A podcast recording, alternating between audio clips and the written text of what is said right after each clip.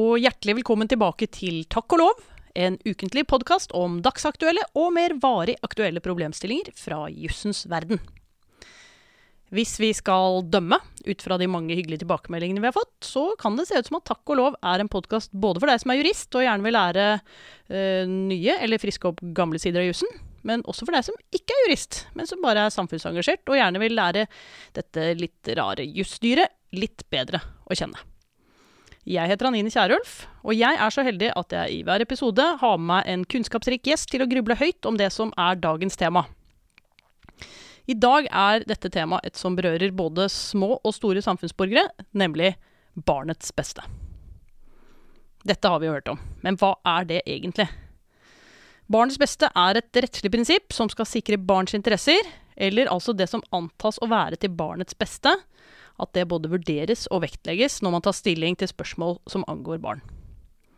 Det er helt avgjørende i normaltilstanden, for å kalle det det. Eh, men det er jo ikke minst presserende nå i denne eh, unntakstilstanden. De som allerede er sårbare og utsatte i samfunnet vårt, de blir ikke mindre av det nå. Til å snakke om noen av alle de problemstillingene som hører inn under paraplyen barnets beste, så har vi invitert en av dem som har grublet mest på dette, både som ja, du har vært sekretariatsleder for utvalget som vurderte barneombudsordningen allerede i 1995. Du har forsket på hjelpetiltak i barnevernet. Du har doktorgrad. Det er barnets sak.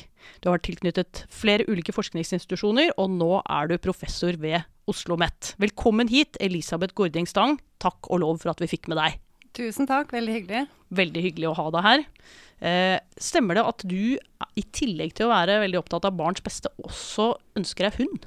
Ja, det stemmer. Ja? Jeg ønsker meg veldig hund. Jeg ønsker meg mer hund enn noen gang før. For jeg går altså så mye tur. Jeg har aldri gått så mye tur i hele mitt liv som jeg gjør nå. Jeg er ute sånn fem ganger om dagen, og det har noe å gjøre med Ikke at jeg ikke har det veldig hyggelig med mine familiemedlemmer, men vi er fem som skal ha hjemmeskole og kontor. Og eh, man skal jo liksom gå på jobb, da.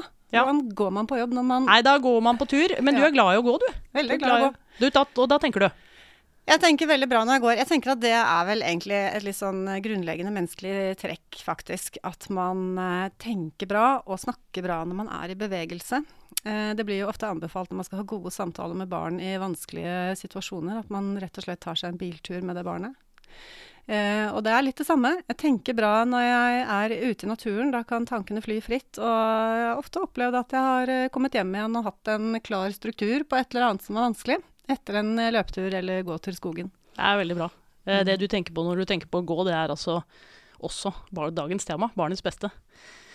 Ehm, vi skal snakke litt i dag både om uh, avveiningen mellom barnets beste og foreldrenes rettigheter til familieliv. Uh, vi skal snakke litt om norske barnevernssaker i EMD og en uh, nylig storkammerdom fra Høyesterett. Men først, helt overordnet, Elisabeth, kan du gi oss en kjapp barnets beste for dummies? Ja, altså jeg kan starte med å si at barnets beste, eller the best interest of the child, som det heter på engelsk, det er nok et av de aller, aller mest omdiskuterte juridiske begrepene noensinne. Vi har diskutert barnets beste i 50 år omtrent. Men er det ikke egentlig helt Er ikke, er ikke alle enige om at barnets beste er en bra ting? Jo, og det er nettopp av, en av kritikkene mot begrepet. Nettopp det at alle vil jo barnets beste. Det er jo ingen som uh, vil si at de argumenterer for barnets verste, liksom. Og hvis de gjør det, så vil de kanskje ikke si det. Uh, sånn at uh, det at det er et begrep som alle slutter opp om, eh, samtidig som det er et begrep som ikke har et helt åpenbart og klart og entydig innhold. Det gjør jo også, For det første så gjør det at uh, det er mulig å argumentere med det begrepet og skjule andre interesser. Eh, det er det ene.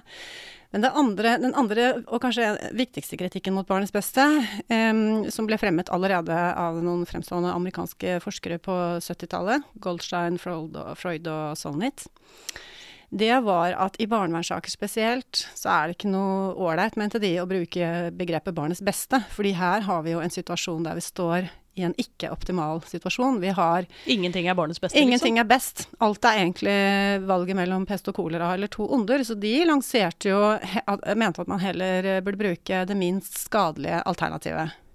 Det minst ille, liksom. Det er en veldig dårlig juridisk eh, norm, altså. Det funker ikke å snakke om minst være til minst ille-normen, liksom. Nei, det går Nei, ikke. alt annet skal være optimalisering og best mulig og best practice, men det her Ja. skal det være minst ille, ja. Ja, Nei, det går ikke. Nei, det funket ikke, rett og slett. Men eh, så, så, så den kritikken mot barn Men kritikken har på en måte vært der, og vi har fortsatt å diskutere begrepet. En annen kritikk mot barnets beste har vært at dette sier jo alt og ingenting. Nettopp det der at det er barnets beste, selvfølgelig. Alle vil at barn skal ha det bra. Men det betyr jo ingenting. Det har ikke noe innhold. Men det er ikke riktig, mener jeg som jurist, da. At eh, det, det er overhodet ikke riktig at ikke barnets beste har et innhold. I, i 40 år så har uh, norske og også internasjonale domstoler utpenslet dette, denne normen, dette begrepet, med helt konkrete momenter og hensyn som skal vektlegges. Selvfølgelig skal det, skal det ville avhenge av, av, av faktum i de konkrete sakene hvilke momenter dette er, og hvordan avveiningene mellom dem blir. Men, men ting som eh, barnets alder, barnets helse, barnets egen mening, barnets tilknytning osv. Det er, er momenter som skal vektlegges. sånn at, at, at det er et innholdsløst begrep, det er jeg helt uenig i. Men den kritikken kommer først og fremst da av folk som ikke er jurister, f.eks. psykologer. Ja, nettopp. Um, ja, vi får ta en uh, egen episode med forholdet mellom juss og psykologi en gang. Det tror jeg kunne også bli veldig interessant, egentlig. Eh, Men uh, for å holde oss litt til barnets beste her i dag, da. Altså, denne, denne koronapandemien som vi står i, den påvirker oss jo alle. stats, fra statsmaktene til den minste borger, herunder barna. Det er en betydelig utfordring. Jeg leste for en tid tilbake et oppslag i en avis om bekymringer på sykehusmottakene og legevakten om at de ser altfor få barn med blåmerker på rare steder. Eh, Det er jo ikke trist at det finnes barn som ikke har blåmerker på rare steder, men det er eh, utrolig bekymringsfullt og fælt egentlig å tenke på at eh, disse barna som da utsettes for overgrep, eh, ikke får hjelp i den situasjonen vi er i nå, nettopp eh, fordi vi blir bedt om å holde oss hjemme, og barn som er i belastede hjem eh, selvfølgelig utsettes for enda mye verre ting enn det de kunne gjort hvis de hadde det frirommet som det å gå på skolen eller på AKS eller andre ting er. Eh, Så disse barna, er, det er jo åpenbart at de er utsatt i denne situasjonen. Nå er det noen tiltak på gang, det har vel kommet en forskrift som på en måte skal forenkle noe saksbehandling i, i, fjernmøter i fylkesnemndene, flytting av barn mellom institusjoner, tilsyns- og oppfyllingsbesøk på Zoom og andre ting. Men eh, kan du reflektere litt om eh, barnets beste i koronatiden? Ja, jeg vil bare først si at vi kanskje skal være forsiktige med å si at de ikke får hjelp. Altså, for det første så uh, er det jo ganske mange barn utsatt for vold og overgrep som vi rett og slett ikke vet om. uh, og, de, og som vi heller ikke visste om, altså vi, myndighetene, heller ikke visste om før korona. Uh, sånn at vi er helt avhengig av at folk som er så bekymret for barn og, og tror at barn blir utsatt for vold og overgrep, melder dette fra til barnevernstjenesten hvis det ligger innenfor deres opplysningsplikt. Jeg får bare skyte inn der, for der, vi hører jo egentlig ofte om de sakene hvor barnevern eller andre griper inn feil, da, eller for mye, eller til fortrengsel for familielivet. Men, men det du får frem her, er at eh, et eh, like stort, eller antageligvis enda mye større problem, det er alle de barna det ikke gripes inn for å ta vare på. Ja, og dette, når vi kommer til EMD og EMDs praksis, som vi skal snakke om litt eh, senere i dag, så, så skal vi se at eh, også EMD har utviklet en viktig rettspraksis akkurat på det feltet, når det gjelder beskyttelse av barn og myndighetenes handleplikt. Og EMD, da, for de av oss som ikke er jurister, så er det Den europeiske menneskerettighetsdomstolen som eh, holder til i Strasbourg, og som håndhever Den europeiske menneskerettighetskonvensjonen, hvor eh, familielivet er en av de rettighetene som der ivaretas, og vi skal komme litt tilbake til hvordan den eh, har behandlet saker som har en side til barnets beste etterpå. Men tilbake til barnets beste og korona og koronatiltak. Så er det også sånn at FNs barnekomité, som da forvalter overvåkingen og gjennomføringen av FNs barnekonvensjon i de ulike landene, har laget en egen eh, såkalt generell kommentar, som er altså tolknings, eh, et, et tolkningstekst knyttet til bestemmelsen i barnekonvensjonen om barnets beste. Og Barnekomiteen har vært veldig opptatt av å framheve at hensynet til barnets beste ikke bare skal være en, en vurderingsnorm i konkrete saker som gjelder enkeltbarn, men skal også gjelde barn som gruppe. Og at myndighetene Så har et Så barns beste, liksom. Barns beste. Ja. Alle barns beste. Ja. Altså Barnets beste er både en, en, en vurderingsnorm i enkeltsaker og et viktig politisk hensyn, eh, både i budsjettprosesser, ikke minst, settes det av nok penger til tiltak for barn, og i forhold til alle mulige eh, slags andre andre politiske beslutninger som treffes og som kan berøre barn, da skal altså, da er myndighetene forpliktet til å vurdere konsekvensene dette kan ha for barn. Så det kan man jo stille spørsmål ved. Er det vurdert konsekvensene for disse eh, da, barna man er mest bekymret for nå? Ble det vurdert da man valgte å stenge ned eh, skoler og barnehager? Og ja, eller når man får en søringkarantene i en uh, kommune i nord, uh, hvor et barn har delt bosted og bor kanskje både i en kommune og i en annen kommune. Hvordan skal karantenebestemmelsene håndheves da? Nettopp. ikke sant? Så, sånn sett så, man, så viser jo dette, de, Denne situasjonen med korona viser jo også hvordan hensynet til barnets beste kan også både komme i konflikt med, men eller at det er en spenning der mellom det og sterke samfunnshensyn, som er beredskapshensyn, hvor det er helt nødvendig å treffe raske beslutninger, og man kanskje ikke alltid får tid til å gjøre de utredningene utredningene som, som, skal gjøres der. Men det er klart at den situasjonen som du nevnte, den er eh, bekymringsfull. Nå, nå gjøres det nok ganske mye for de barna vi allerede vet om, som myndighetene allerede vet om. Mm. Jeg har jo ganske nær kontakt med, med deler av praksisfeltet, barnevernstjenestene, rett og slett gjennom en etter- og videreutdanning som jeg holder på med for, for dem. For dem ja. eh, og vet at de står eh, på hodet og gjør absolutt alt de kan for å følge opp eh, barn og foreldre. Men samtidig så er det klart at når en familie eller foreldre er i, i, i, karantene, så er det litt begrenset i hvilken grad man kan klare å følge opp fysiske, med fysisk hjemmebesøk og, og familieveiledning. Og det, det, er ikke alltid like uproblematisk å overføre dette til Zoom og Teams og Nei. alt dette her. Og samtale med barn eh, likeså. Og så det er en veldig bekymringsfull situasjon, og jeg syns kanskje at regjeringen er litt defensiv når den overlater til lærer å ta kontakt med de barna i klassen som de er bekymret for. Ser man for seg at barn skal sitte hjemme i stua si og facetime med læreren og fortelle at de blir utsatt for vold eller overgrep, det, det er ikke så sannsynlig at de vil gjøre det. Vi vet allerede at det er fra før vanskelig for barn å fortelle om dette her, selv om de føler seg i en rimelig trygg situasjon. Så, så jeg, jeg, eh, Det gjøres mye, og jeg vet at i Oslo kommune nå så har man jo bestemt at skolene skal være åpne i påsken for, for, eh, nettopp for barn som er i, i, i denne i, en vanskelig situasjon. Men Problemet igjen er at de barna selv vet kanskje ikke at de er i den situasjonen, eller tenker ikke på seg selv på den måten. Nei, og de er kanskje ikke klar over at det er til barnets beste å gå på skole i påskeferien heller. Det kan vel også hende, men for mange av de barna som blir utsatt for vold og overgrep, så, har, så, så er det mange av dem som forteller om at skolen var det fristedet ja. de hadde. Sånn at dette er problematisk, og jeg tenker jo at uh, vi ikke kan ha en sånn situasjon i, i veldig, veldig, veldig lang tid. Nei, nok et av de feltene som det blir utrolig vanskelig å håndtere fremover. Eh, litt avhengig av hvor lenge ulike tiltak eh, skal virke. Også i ulike kommuner er det jo eh, forskjellig hvordan man vurderer dette. Um, vi må snakke litt om denne europeiske menneskerettighetsdomstolen som vi var innom i sted. Fordi den har da som sagt en bestemmelse om vern om privatlivet og familielivet. Uh, og det familielivet inkluderer jo retten til eh, å være sammen med sine barn og foreldre sammen. Um, det kan jo i noen tilfeller komme i konflikt med barnets beste hvis det vurderes slik at det er til barnets beste at man ikke skal bo sammen med sine biologiske foreldre eller få begrenset uh, omgang med dem. Um, så vil det være en spenning her. Og Den europeiske menneskerettighetsdomstol den har jo vurdert noen saker mot Norge opp igjennom årene, men det er relativt få. Jeg tror det er 52 dommer mot Norge, og hvor 96% av sakene som klages inn, de avvises fordi de er grunnløse, så de kommer ikke engang til behandling. Mens disse barnevernssakene, eller eh, omsorgsovertakelse, eh, tvangsadopsjon, der eh, har Den europeiske menneskerettighetskonvensjonen tatt inn et helt eh, uforholdsmessig høyt antall saker eh, mot Norge. Eh, det er tre puljer. Den første er avgjort. Der er det ni saker hvor vi er dømt til syv frifunnet i to, tre som er avvist med begrunnelse. Men til sammen så er det igjen 25 saker som ligger til behandling i en eller annen retning.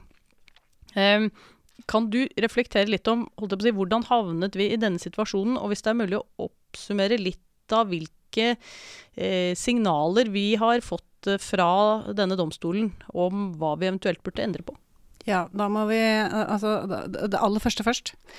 Og det aller første som du skisserte, var eh, den mulige spenningen mellom foreldrenes rettigheter, retten til familieliv og, og, og, og hensynet til barnets beste. Og Og, og, den, og, den, er jo akkurat den samme i Norge som den er i absolutt alle andre land. Uh, sånn at, og, og, vår lovgivning, det er, det er, ikke sånn Det har vært hevdet, har jeg sett, enkelte har hevdet at vi har hevet ut det biologiske prinsippet for 10-20 år siden.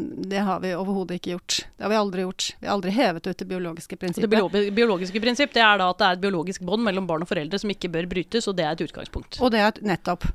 Og hele barnevernloven hviler på det prinsippet. Sånn at eh, det har vært heller mer vektingen mellom de biologiske argumentene eller hensynene og hensynet til barnet. Der har, det, har vi hatt en, en, utvikling som, hvor pendelen har sving, svingt litt i begge men, retninger. Men kan vi si at det er sånn at det biologiske prinsipp står svakere tross alt i Norge enn, andres, enn en del andre europeiske land? Eller at uh, det biologiske prinsipp og familiens uh, ukrenkelighet, eller om man vil, uh, står sterkere andre steder da? Ja, det kan vi nok si, og det skal vi komme tilbake til. For det er nemlig en av forskjellene. For så kommer vi til det spørsmålet hva er det med Norge som har fått oss opp i dette her. Eh, og det, nok, eh, det, er nok et samvirke av ganske mange forskjellige, forskjellige, ting. Jeg har tenkt eh, veldig mye, grublet mye på dette her selv. En av de tingene som skiller Norge og norsk barnevern eh, fordi at altså, Vår lovgivning er ikke så forskjellig fra, fra mange andre land. I, ikke fra Norden og ikke fra Europa, og ikke så veldig annerledes enn en land utenfor Europa heller. Sånn at det er ikke sånn at lov, lovgivningen vår er helt spesiell. Men barnevernet vårt er faktisk litt spesielt. Og grunnen til det er at vi har skilt ut barnevernet som en egen tjeneste. Det gjorde vi tidlig på 90-tallet. Hvordan kunne det vært eh, hvis det ikke var skilt ut? Da skulle det vært en Tidligere del av Tidligere var det en del av sosialtjenesten. Ja, så mer, et mer helhetlig Ja. Det var en del av barnevern, og sosialtjeneste var på en måte inn under hatten sosialtjeneste. Mm. Eh, og da vi skilte ut dette i 1991, altså det ble jo fremmet et forslag om en felles barnevern- og sosialtjenestelov i 1985. Og så ble det skilt ut ved et regjeringsskifte da Gro Harlem Brundtland var det vel som ble statsminister da i 1991 eller sånt. Og da fikk vi en egen proposisjon og en egen barnevernlov. Vi fikk et eget barne- og familiedepartement. Det hadde vi heller ikke hatt før. Sånn at, eh, grunnen til at vi gjorde det sånn, var jo fordi at vi så at barn ble ikke prioritert i sosialtjenesten. Barnevernssakene ble ikke prioritert, de hadde ikke stillinger, det var ikke kompetanse. Man ønsket jo rett og slett å styrke barnevernet innenfor sosialtjenesten fordi den var et, et, et ble stemoderlig behandlet. Mm. Eh, så det var på en måte for å styrke barns posisjon og, og barns rett til hjelp fra barnevernet at vi gjorde det sånn. Men dermed har vi etablert en egen eksplisitt barnevernstjeneste med en helt egen forvaltning. Eh, og det, det, der er vi i en særstilling også i Norden. Ja. Og det gjør barnevernet vårt veldig tydelig, veldig synlig, veldig eksplisitt. Eh, mens i både Sverige og Danmark så er barnevernet en del av sosialtjenesten. Sånn at det, det, det Vi stikker hodet veldig fram Veldig langt ja. fram. Og i tillegg så er vi et land som har satt fokus på barns rettigheter i veldig mange år, og blir av veldig mange land i verden sett på som en slags pioner for barns rettigheter. Vi har hatt verdens første barneombud, annet, og vi har promotert denne barneombudsordningen i, i, i utlandet. Så vi Det er mange land som følger med på oss. Følger litt ekstra med på hva som skjer i Norge. Og så er det også, som, som, i hele Norden og, Skandinavia, eh, den nordiske velferdsmodellen med en sterk stat. En stat som vi har veldig høy grad av tillit til.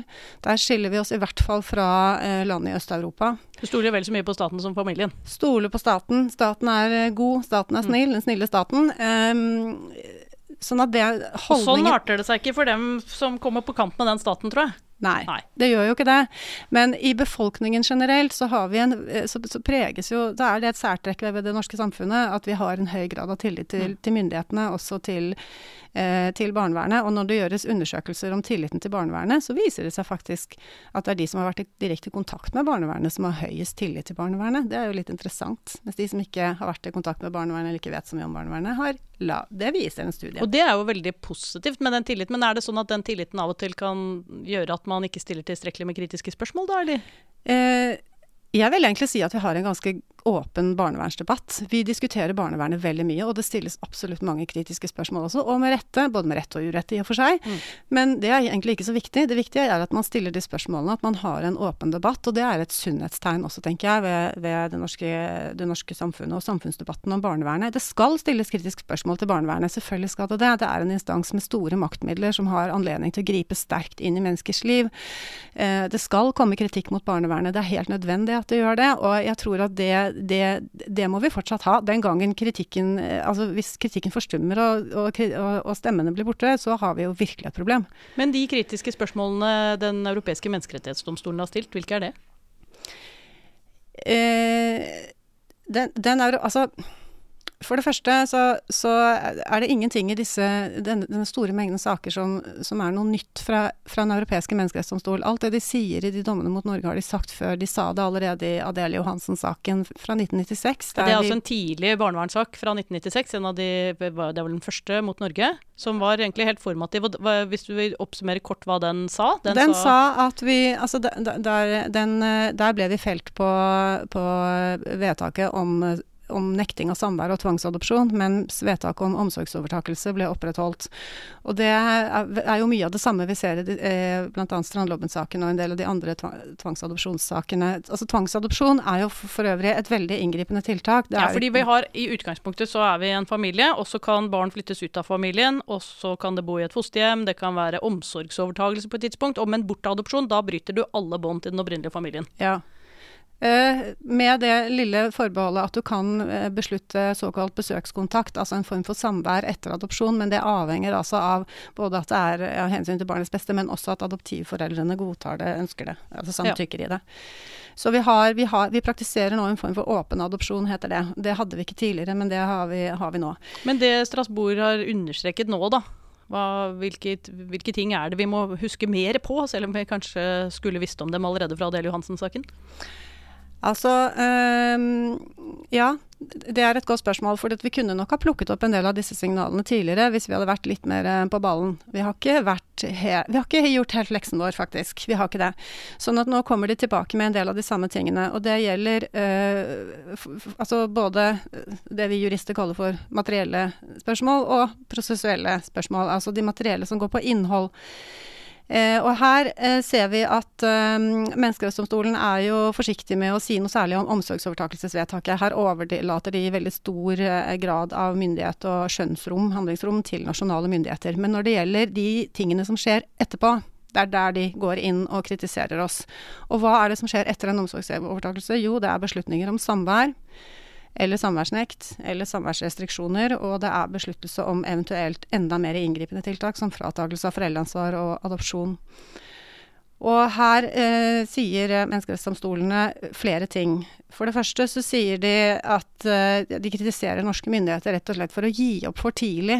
Ja. For for tidlig å bestemme seg for at en omsorgsovertakelse skal være varig, med den konsekvens at det blir, eh, blir gitt veldig lite samvær. Og da mener de at vi jobber ikke nok for det som de setter, som EMD oppstiller som det overordnede målet, nemlig en framtidig gjenforening av familien. Så et forsøk på å videreføre det som kunne vært igjen av det familielivet på en eller annen måte, det gir vi opp for tidlig? Vi gir opp for tidlig å, å, å jobbe mot en framtidig gjenforening og legge til rette for det. Og, eh, og, dermed så kritiseres vi for at myndighetene rett og slett hindrer muligheten for en gjenforening. Og da sier de i, spesielt når det gjelder disse tvangsadopsjonssakene, at når det er myndighetenes egne beslutninger som er grunnen til at familielivet rett og slett uh, krakelerer, da, eller Det er jo ikke den eneste grunnen, for det var jo en grunn til at vedtaket Nei, men det er det som gjør at det ikke, det det kan fortsette i samme form iallfall. Ja. Da, da kan ikke det brukes som et argument for tvangsadopsjon senere. Det blir uh, uproporsjonalt, som de sier. Altså det blir i, i helt uforholdsmessig. Griper for mye inn, ja. Griper for mye inn. Så, uh, så, da er ikke det lov. Og, så man mener nok at, uh, at vi, vi må gjøre mer for å, å, dokumentere det bedre, hva, hva, man faktisk prøver å få til av, um, av samvær og familieliv etter en uh, omsorgsovertakelse. Er det, hvis jeg bare kan spørre, um, er, det ba, er, det, er det bare i barnevernet dette skjer for tidlig, eller er det også i nemnder og domstoler? At man ikke tar tilstrekkelig hensyn til dette tilbakeførings- eller gjenforenings... Uh ja, det er, det er, viktig at du stiller det spørsmålet, fordi at uh, det er jo fylkesnemnda og ikke barnevernstjenesten som treffer disse tvangsvedtakene. Altså vedtakene om, uh, om, om samvær og vedtak om omsorgsovertakelse. Altså alle tvangsvedtak treffes av fylkesnemnda og kan overprøves av domstolene, mens barnevernstjenesten er den som fremmer forslagene. Eh, sånn at mye av denne kritikken rammer ikke nødvendigvis bare barnevernstjenesten, men også, også, systemet lenger opp, altså også fylkesnemnda og domstolene. Og så er det et eget, når det gjelder domstolene, da, et eget spørsmål her. Fordi at eh, det nasjonale rettssystemet skal jo være ferdig prøvd ut før man kan komme til EMD med en sak. ikke sant? Men her har jo ankesystemet vårt ikke fungert godt nok. Og det er jo noe av det Høyesterett også peker på. Fordi at har, altså Lagmannsretten har avvist anker, Høyesterett har også avvist ja, anker. Så man får ikke noe reell prøving i flere Nettopp, instanser? Man får ikke noen Altså domstolskontrollen på barnevernfeltet har faktisk sviktet. Og det peker jo, eh, det peker jo Høyesterett på nå i disse ankenektelsessakene som er en del av, av disse storkammersakene som du nevnte innledningsvis. Sånn at vi må Og det er en kritikk som går direkte til domstolene. Sånn at det er flere det, det, er mange deler av systemet som er utsatt for kritikk. Og det er jo en annen viktig ting som EMD også trekker fram, og det er begrunnelsene. Begrunnelsene, ja. Mm. Altså, øh, ja, nettopp. For du, man fatter disse vedtakene i, i nemnda eller i domstolene opprettholder dette. Men de begrunnelsene som gis for den konkrete vurderingen som må foretas, de er for dårlige? De eh, har i hvert fall i noen av disse sakene blitt sterkt utsatt for kritikk. Og, det, eh, og den kritikken retter seg eh, kanskje i større grad mot domstolene enn, eh, og fylkesnemnda enn mot barnevernstjenesten. Spesielt Oslo tingrett ble jo veldig utsatt for kritikk eh, for eh, for dårlige begrunnelser i denne Strandlobben-saken. For der er vi litt sånn, hvis vi bare løfter blikket litt til sånn generell rettferdighetsfølelse, så er det jo sånn holdt jeg på å si, opplevelsen i skolegården. Det skjer en eller annen krangel, og, og du, du, blir veldig sinna på noen, og så, og så, går det en kule varmt, og så kommer det en lærer og stopper det, og så finner på en eller annen sanksjon. Så da må du gå der og du må gjøre sånn, og så føles det utrolig urettferdig. Inntil du får en begrunnelse. Da blir det kanskje lettere å akseptere. Eller kanskje du ble hørt underveis, og du fikk fremføre dine synspunkter, og da ble det lettere å akseptere. Ja, og det er klart at jo, jo Og dette er jo også, også relativt, fordi at jo strengere inntak, inngrep, jo mer inngripende eh, vedtak som blir gjort, um, jo viktigere er det med den begrunnelsen. Ja, jo større krav stilles det til den. Jo større krav stilles det rett og slett ja. til den begrunnelsen for at dette vedtaket skal være forholdsmessig, som er et krav etter da, bestemmelsen i Den europeiske menneskerettskonvensjon uh, artikkel 8 andre ledd. Det er jo sånn at Utgangspunktet er at man har en rettighet, og det gjøres, når det skal gjøres inngrep i det, så er det noen veldig strenge vilkår som skal oppfylles. og et av dem er altså kravet til begrunnelse, men også, som både Høyesterett og EMD peker på, et bredt eh, og, og fullstendig beslutningsgrunnlag. Ja. Og da snakker vi både om uh, sakkyndige vurderinger, og vi snakker om Altså at, at, flere alternative eh, mulige hypoteser skal utredes og avklares og vurderes. Altså, Minste inngrepsprinsipp, ja, måte. Ja, og, og, at dette må dokumenteres bedre. Ja, Så man kan ettergå det etterpå. Ja. ja. Du, jeg bare hører, for du har allerede foregrepet litt grann at Høyesterett også har sagt noe om dette nylig. og det eh, Forholdet mellom eh, Menneskerettighetsdomstolen og de nasjonale domstoler er jo egentlig at de skal se på hverandre. For så vidt er det jo ofte at man ser oppover, da, fordi det er normerende på toppen, nemlig i, i Strasbourg. Men, men, eh, her har da Høyesterett sett på denne store porteføljen av saker eh, om barnevernsspørsmål og eh, sagt eh, da må vi se om vi skal foreta noe rettsavklaring nasjonalt, slik at uh, våre rettsanvendere skjønner bedre hva de skal gjøre fremover. Og så tok de inn noen saker til behandling i storkammer, og den kom relativt nylig, den avgjørelsen. Kan du si bare kort noe om hvordan Høyesterett har fulgt opp de signalene som er kommet fra Strasbourg? Ja, altså jeg syns jo Høyesterett hjelper oss nå til å rett og slett se what's in it for us her. Hva er det vi skal ta med oss videre? Hva er det barnevernet skal eh, bli opptatt av, og hva er det domstolene ikke minst skal bli opptatt av når det gjelder eh, anke, ankespørsmål og retts, altså domstolskontroll? Uh, og det er de samme tingene som jeg i og for seg nevnte. altså Det går på dette med at, uh, at det må dokumenteres at man faktisk ikke gir opp med en gang. Ikke mm. gir opp for fort. Uh, og at det må legges til rette for et samvær som gjør at gjenforeningsmål kan være realistisk. Men samtidig så må jeg jo fort meg si at det er ikke sånn heller at verken Den europeiske menneskerettsdomstol eller Høyesterett sier noen sted at alle barn skal tilbake til foreldrene sine etter en ånde. Det sier de ikke, altså. Og det kan de selvfølgelig ikke si. Ja, det ville jo vært rart. Nei, men når man skal bryte fullstendig båndene, så må det foreligge helt ekstraordinære omstendigheter. Det sier de. Og de, de må dokumenteres, og ja. de må begrunnes. Og når de gjør det, så vil EMD akseptere det. Altså det gjør de jo i andre saker, og det har de også gjort i forhold til Norge. Vi har jo fått tvangsadopsjoner igjennom EMD også. Så vi er egentlig tilbake på en sånn holdt jeg på å si, domstolenes funksjon som en slags institusjonalisert Sokrates, som stiller de spørsmålene som gjør at du får frem begrunnelsene for den maktutøvelsen som er brukt. Ja, Og så eh, er det dette med avveiningen mellom altså retten til familieliv og barnets beste, som, en, som kanskje er barnevernets aller største dilemma, aller vanskeligste vurdering, og som vi strever med hver eneste, hver eneste sak. Og da er det sånn etter norsk rett og norsk barnevernlov at hensynet til barnets beste skal være et avgjørende hensyn, ikke bare et grunnleggende hensyn og et av flere hensyn.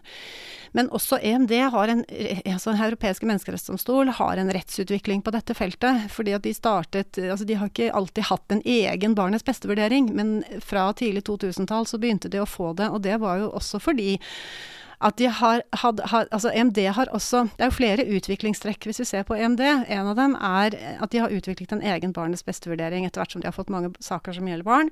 Det andre er at de også har en egen praksis knyttet til myndighetenes handleplikt for å gripe inn og beskytte barn mot vold og overgrep. Ja, og så du får den, den, positive forpliktelsen. Vi tenker mm. jo ofte på rettigheter som frihetsrettigheter. Altså retten for, vi har til at staten ikke skal gripe inn, men staten har også noen positive forpliktelser til å gripe inn for å beskytte f.eks. sårbare grupper som barn. Mm. Mm. Og det er en misforståelse å tro at ikke EMD også er opptatt av barnets beste, men de vekter nok en del av de momentene inni den barnets beste-vurderingen litt annerledes enn det vi gjør.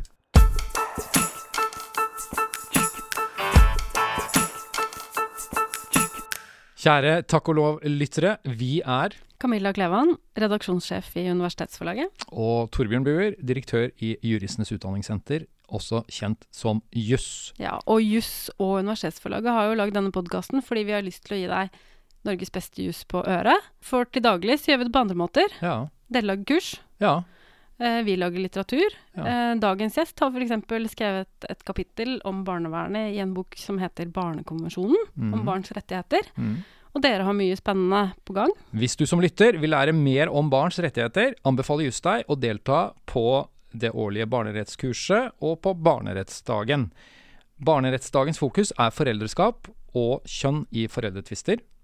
Det årlige barnerettskurset har bl.a. fokus på barn og straff og sakene for EMD. Det vet jeg dere også har en, no, en del på. Disse kursene vil bli satt opp høsten 2020, og i tillegg så har vi et e-kurs som heter Tale eller tie.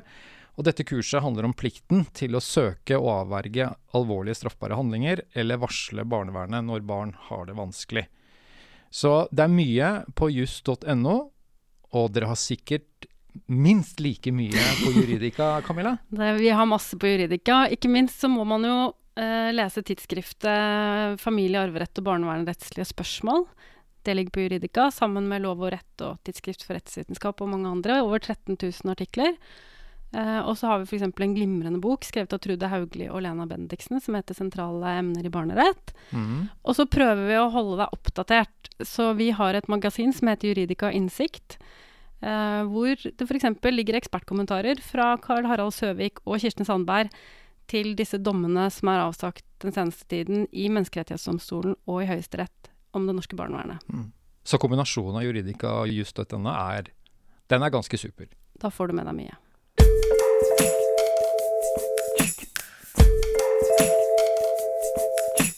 Dette var veldig avklarende for meg, Elisabeth. Tusen takk skal du ha. Vi eh, kunne snakket mye lenger om dette, og jeg, eh, det er jo et utrolig alvorlig tema vi snakker om her. Eh, både for de barna og ikke minst de foreldrene eh, som har blitt fratatt sine barn, som dette gjelder. Eh, men vi prøver allikevel å avslutte, selv om det er alvorlige temaer i denne podkasten, på en eh, litt mer humoristisk tone. Vi har en liten spalte til slutt som heter Har du hørt? Hvor vi inviterer våre gjester til å dele en historie som kanskje kan eh, ja, eh, være humoristisk eller tankevekkende på en eller annen måte. Noe de ikke har hørt før. Ja, og da har jeg lyst til å dele en historie eh, som eh, fra veldig tidlig i min juristkarriere. Var faktisk bare student og gikk på, eh, på fjerde avdeling, akkurat begynt på fjerde avdeling juss. Og jeg deler denne historien fordi at jeg har lyst til å slå et lite slag for eh, de juridiske rettshjelpstiltakene, studenttiltakene. Jeg jobbet altså i juridisk rådgivning for kvinner denne gangen, og vi hadde en klient som hadde vært utsatt for, eh, for vold og levde i et voldelig parforhold i over 20 år. Vi hadde hjulpet henne med mm, erstatnings, eh, voldsoffererstatningssøknad, og nå skulle hun altså i, i et møte med et forberedende rettsmøte som jeg ikke helt visste hva var for noe, at jeg hadde ikke hatt prosessrett ennå, rett og slett. Eh, og kunne ikke vi stille opp der og være litt støtte for henne, for hun var rett og slett veldig redd for å møte mannen sin. Eksmannen sin, igjen.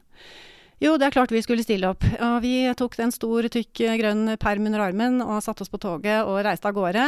Og var egentlig overhodet ikke klar over at vi gjorde noe vi ikke hadde lov til. Vi har nemlig ikke lov til å prosedere saker i domstolen når man er student og jobber med fri rettshjelp og rådgivning. Prosedere, det er sånn opptre som advokat for dem? Nei. Ja, ja. Det, det, hadde vi ikke lov til. Det visste vi jo, men vi visste rett og slett ikke helt hva vi var på vei til. Uh, før vi kom inn og så at dette var jo ikke et helt vanlig møterom. Det noen hadde på seg kappe, kanskje, til og med? Eller? Noen hadde til og med på seg kappe. Og så satte vi oss ned, og så tenkte jeg OK, nå må jeg bare se hva som skjer. Det er vel ikke vi som skal snakke først, tenkte jeg, for det er jo ikke vi som Jeg, jeg, har, ikke, jeg har ikke skrevet noe prosesskriv eller noe sånt noe. Men så sier dommeren ja, eh, da gir jeg ordet til saksøker, som er juridisk, ved, ved juridisk rådgivning for kvinner. Og så tenkte jeg jeg har ikke, jeg har ikke jeg, Er vi saksøker, tenkte jeg. Skjønte ikke helt dette her. Og så tenkte jeg ok, nå må jeg bare ha veldig is i magen. Eh, nå må jeg bare ta det helt rolig og starte på begynnelsen og begynne å redegjøre for sakens faktum. Så tok jeg og la den store grønne permen min opp på bordet, og noe jeg da heller ikke var klar over, var at den permen skulle sikkert motpartens advokat ha kopi av, men det var jo ikke jeg. Det er noe kontradiksjonsprinsipp der, ja. Der, men eh, vi hadde jo da ikke lest prosessrett og visste ikke helt dette her. Begynte å bla forsiktig i denne permen, og så plutselig så spretter altså motpartens advokat opp og sier du, vi, vi frafaller kravet, vi. Og så ble det helt stille, og så sa dommeren OK, så da, da blir det forlik, da. Ja, sier motpartens advokat. Og så tenkte jeg bare Og hjertet hamret jo vilt i brystet på meg. Og så, og så pustet jeg lett ut eh, inni meg, og så ble det altså forlik. Så ble det forlik. Og vi kunne da glad og fornøyd gå ut av, etter å ha vunnet vår aller første rettssak, uten å ha sagt et eneste ord. Dette er noe også praktiserende advokater kanskje kan legge seg på sinne. Eh, tale er sølv, taushet kan være gull.